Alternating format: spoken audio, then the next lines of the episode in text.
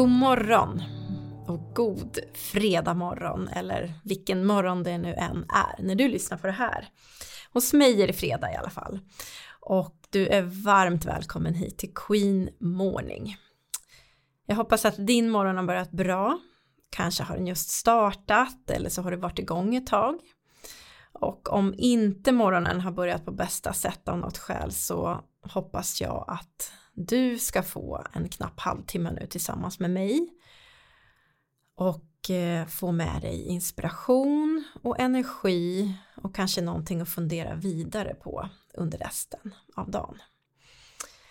Om du har möjlighet där du är, jag vet inte alls var du sitter eller står eller går någonstans just nu, men om du kan, ta ett djupt andetag och släpp ner axlarna ifall de har åkt upp under veckan. Det blir ju gärna så i vardagen att vi både kortar våra andetag och spänner kroppen lite mer ju längre veckan går. Så det kan vara skönt att släppa ner lite. Jag heter Ann Ebradsson och jag är grundare av Queen of My Life och jag vill möjliggöra mer hållbar framgång i ditt liv och i ditt yrkesliv. Och mitt liv och mitt yrkesliv det berör många områden av hållbarhet och hållbar utveckling. Och det vill jag gärna dela med mig av och stötta dig som också längtar efter mer hållbarhet. Och Queen of My Life det är också en plats och ett forum för dig som vill använda mer av den potential och kraft som du redan har inom dig till att bidra till mer hållbarhet och hållbar utveckling. För oavsett var du befinner dig någonstans i livet, oavsett vad du jobbar med eller vad du engagerar dig i eller kanske vill ägna mera tid åt så behöver också du vara hållbar. Om vi ska ha engagemang och kraft att leva och förändra och utveckla där vi står då måste vi ta ansvar för vår egen hållbarhet på ett medvetet sätt tror jag. Och det här kommer vi att prata om här på fredagsmorgnarna framöver och en hel del annat också som rör hållbarhet och hållbar utveckling. Och jag brukar säga att vi alla, du och jag och hela våran värld behöver mer hållbarhet. jag tror inte att någon säger emot det. Och det finns ju bara en som du och att du verkligen behövs med det du har och den du är. Och därför så behöver ditt liv och ditt yrkesliv vara så hållbart som möjligt. Och det är det som jag kallar för hållbar framgång. Det här är den andra sändningen, livesändningen av Queen Morning och eh, idag så sänder jag från mitt vardagsrum. Jag flyttar runt lite här hemma i, i Uppsala där jag bor.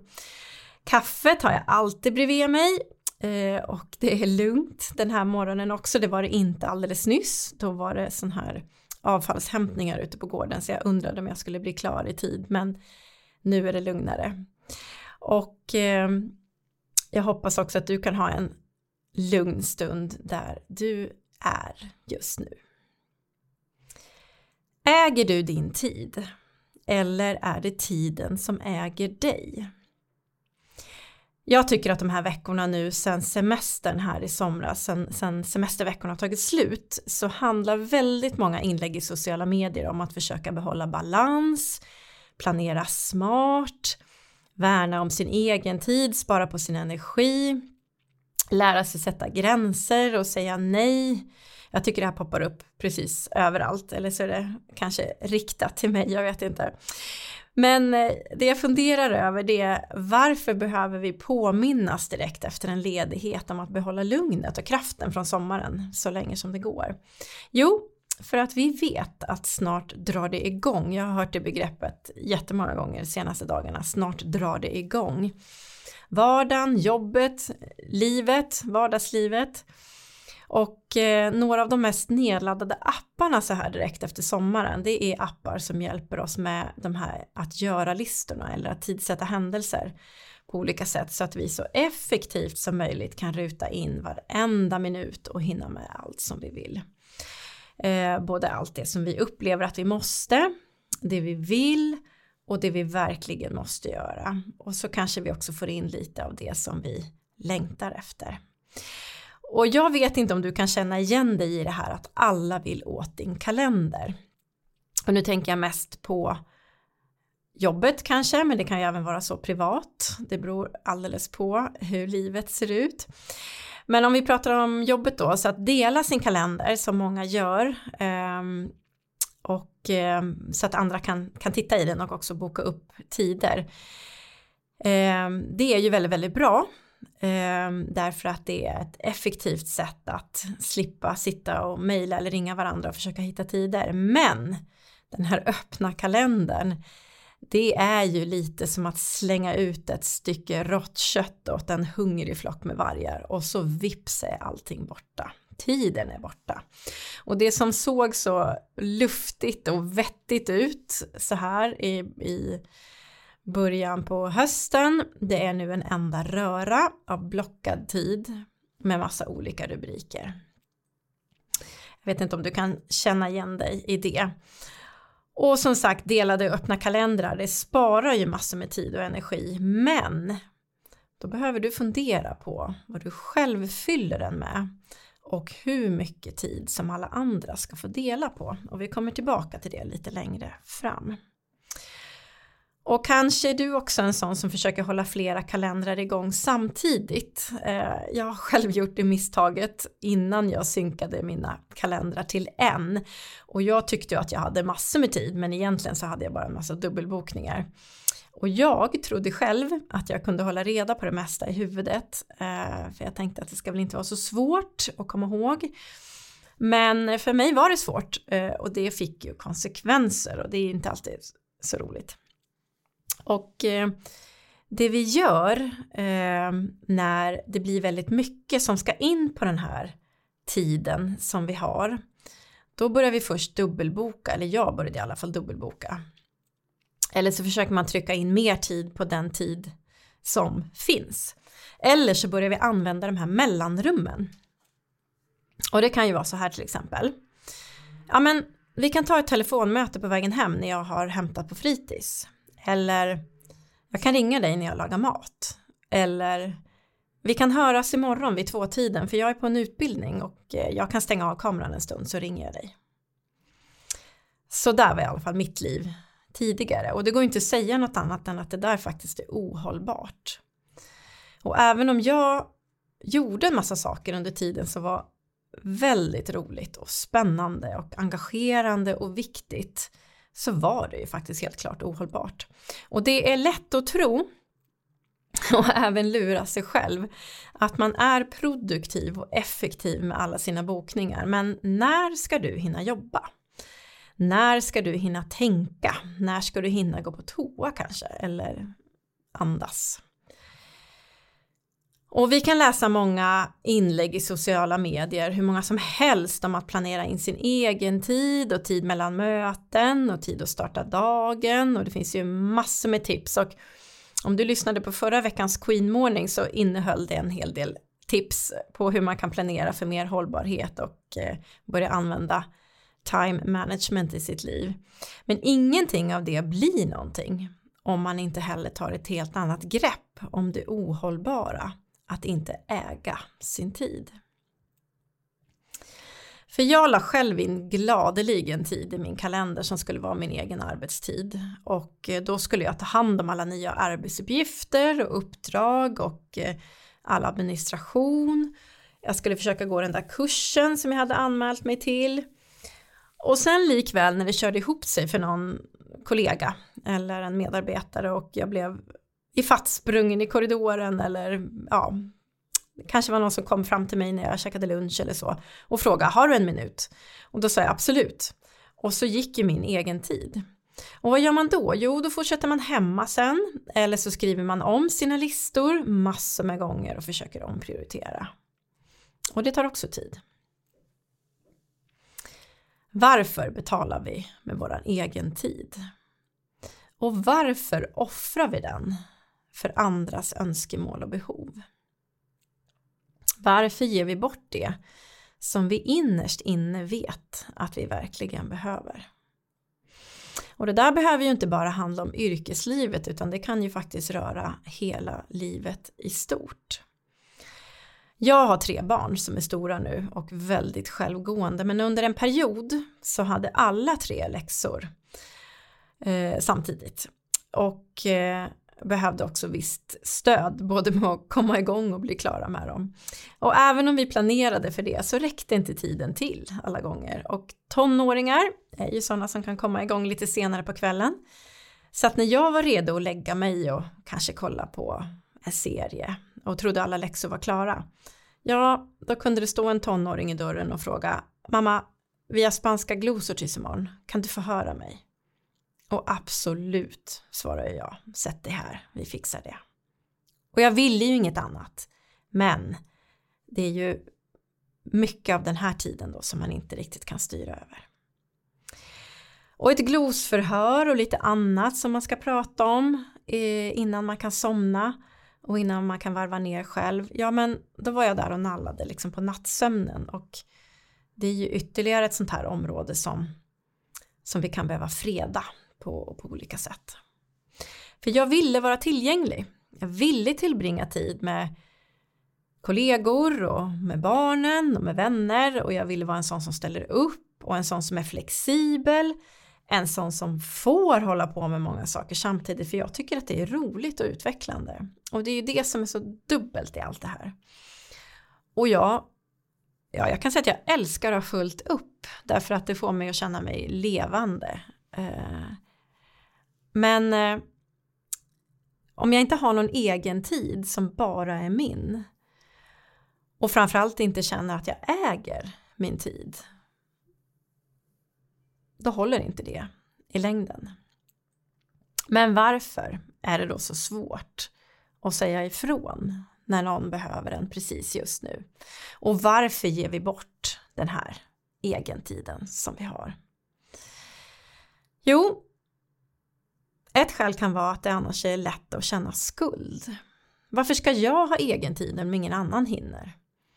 Varför ska jag eh, ha en timmes lunch när jag vet att min kollega sliter med en rapport som ska vara inne om en stund? Och varför ska jag ha det balanserat och lugnt när det finns så otroligt mycket att ta tag i? Och förresten så finns det andra som har det värre. Jag har det ganska bra ändå. Jag vet inte om du känner igen dig i det där. Men vi skriver ju på något sätt den historia, den story som passar bäst för hur livet är just nu. Och mitt i allt det här så laborerar vi med tiden och kraven, engagemanget.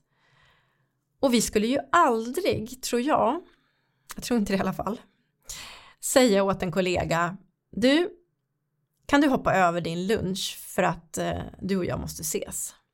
Eller kan du ringa mig när du egentligen har slutat och är på väg till förskolan? Och ring gärna när du står i hallen och ska klä på barnen. Eller kan du fixa den där presentationen ikväll vid nio tiden så att eh, jag kan få den imorgon? Nej, jag tror inte vi skulle säga så. Men så sa jag till mig själv. Och det kanske du också säger. Och det är ju ohållbart. Vi tror att vi blir mer produktiva och effektiva. Men det blir vi inte. Istället hoppar vi mellan uppgifter som att vi stod liksom på smältande isflak och så längtar vi efter någonting annat. Och kanske har du försökt att ändra på det flera gånger. Nu räcker det. Nu ska det bli annorlunda. Ny termin, nya möjligheter och så vidare. Det går ett tag och sen är vi där igen. Och eh, vi är ju alla olika och vi har väldigt olika behov. Vi har olika möjligheter att styra om. Olika möjligheter att ändra, möjligheter att ändra på det som är ohållbart. Och jag har i alla fall kommit på och brukar säga det att uppmärksamhet och medvetenhet det är liksom första steget till en ändring. Att observera och inse att så här kan jag inte fortsätta. Men hur tar man sig från det till en hållbar förändring? Där du håller i liksom tyglarna och äger din viktigaste resurs som är tiden. När jag pratar om att äga sin tid, då menar inte jag att man ska behålla och ha all tid för sig själv. Utan jag pratar om att ta ägarskapet över vad tiden ska fyllas med. Och hur jag respekterar den allra viktigaste resursen och möjligheten jag har. Det går att planera på ett mer hållbart sätt. Det går att lära om och långsiktigt lära sig sätta realistiska tidsramar och få struktur på tiden. Och är du nyfiken på det så finns det en hel workshop om det på queenofmylife.se. Men det blir inte en varaktig och hållbar förändring om du inte tittar närmare på vad som egentligen hindrar dig att lyckas. Har du med dig ett arv hemifrån att i våran familj, där är vi inte rädda för att kavla upp ärmarna? Eller har du någon gång fått höra att du är lat? Eller är det svårt att balansera engagemang och det som är väldigt roligt med en vettig tidsram? Eller vågar inte du säga nej till uppdrag? För då kanske inte du får den där karriärvägen som du hoppas på eller kanske inte får den lön du hoppas på. Eller skäms du över dig själv när du mår bra och ser att andra runt om dig sliter med sitt? Och varför då? En av mina favoritforskare, han heter Philip Kotter och han är eh, ja, forskare då förstås och författare inom området organisationsförändring och ledarskap. Han har utvecklat modeller och teorier om förändringshantering och förändringsledning och eh, en av hans mest kända modeller är åtta steg till förändring. Kanske du känner till. Och i den här modellen så betonar han vikten av att skapa en känsla av nöd och brådska som är en av de första stegen för att man ska framkalla förändring och liksom eh, verkligen känna sig motiverad att, att göra en förändring. Och jag kan hålla med om det. Eh, du kanske har varit med om det, att du verkligen har kommit till en gräns att det här håller inte längre, det här funkar inte längre. Um, och när det känns på allvar, när man verkligen känner den känslan i kroppen, då är man oftast som mest motiverad att göra en förändring. Men för att få till mer hållbara förändringar som förändrar och förbättrar våra liv också på lite längre sikt, då måste vi, tror jag, titta på vad det är som driver att vi fortsätter i våra mönster fast vi vill ändra oss. Och när vi hittar den ekvationen eller den kombinationen då, då kommer vi att frigöra mycket mer av potentialen som vi har. Du kommer att frigöra mycket mer av den kraft och potential som du har. För den ligger där och väntar på att få bli använd på ett mycket, mycket mer omfattande sätt än vad det är hur det är idag. Och då använder vi oss själva på ett mer hållbart sätt. Och strukturer, det kan ta tid att ändra. Och historien kan du inte heller ändra. Och det du har fått höra om dig själv kan du inte heller ändra. Men du kan ändra på väldigt mycket mer än du kanske tror och du känner att du orkar. Och hållbar förändring, som jag pratar så mycket om, den är längre än ett nyårslufte den är längre än några semesterveckor på sommaren. Och den kommer att förändra hela ditt liv. Den håller hela hösten. Den håller varje månad. Den håller varenda vecka. Varje dag. Och den bär dig. Så tack för att du har lyssnat idag.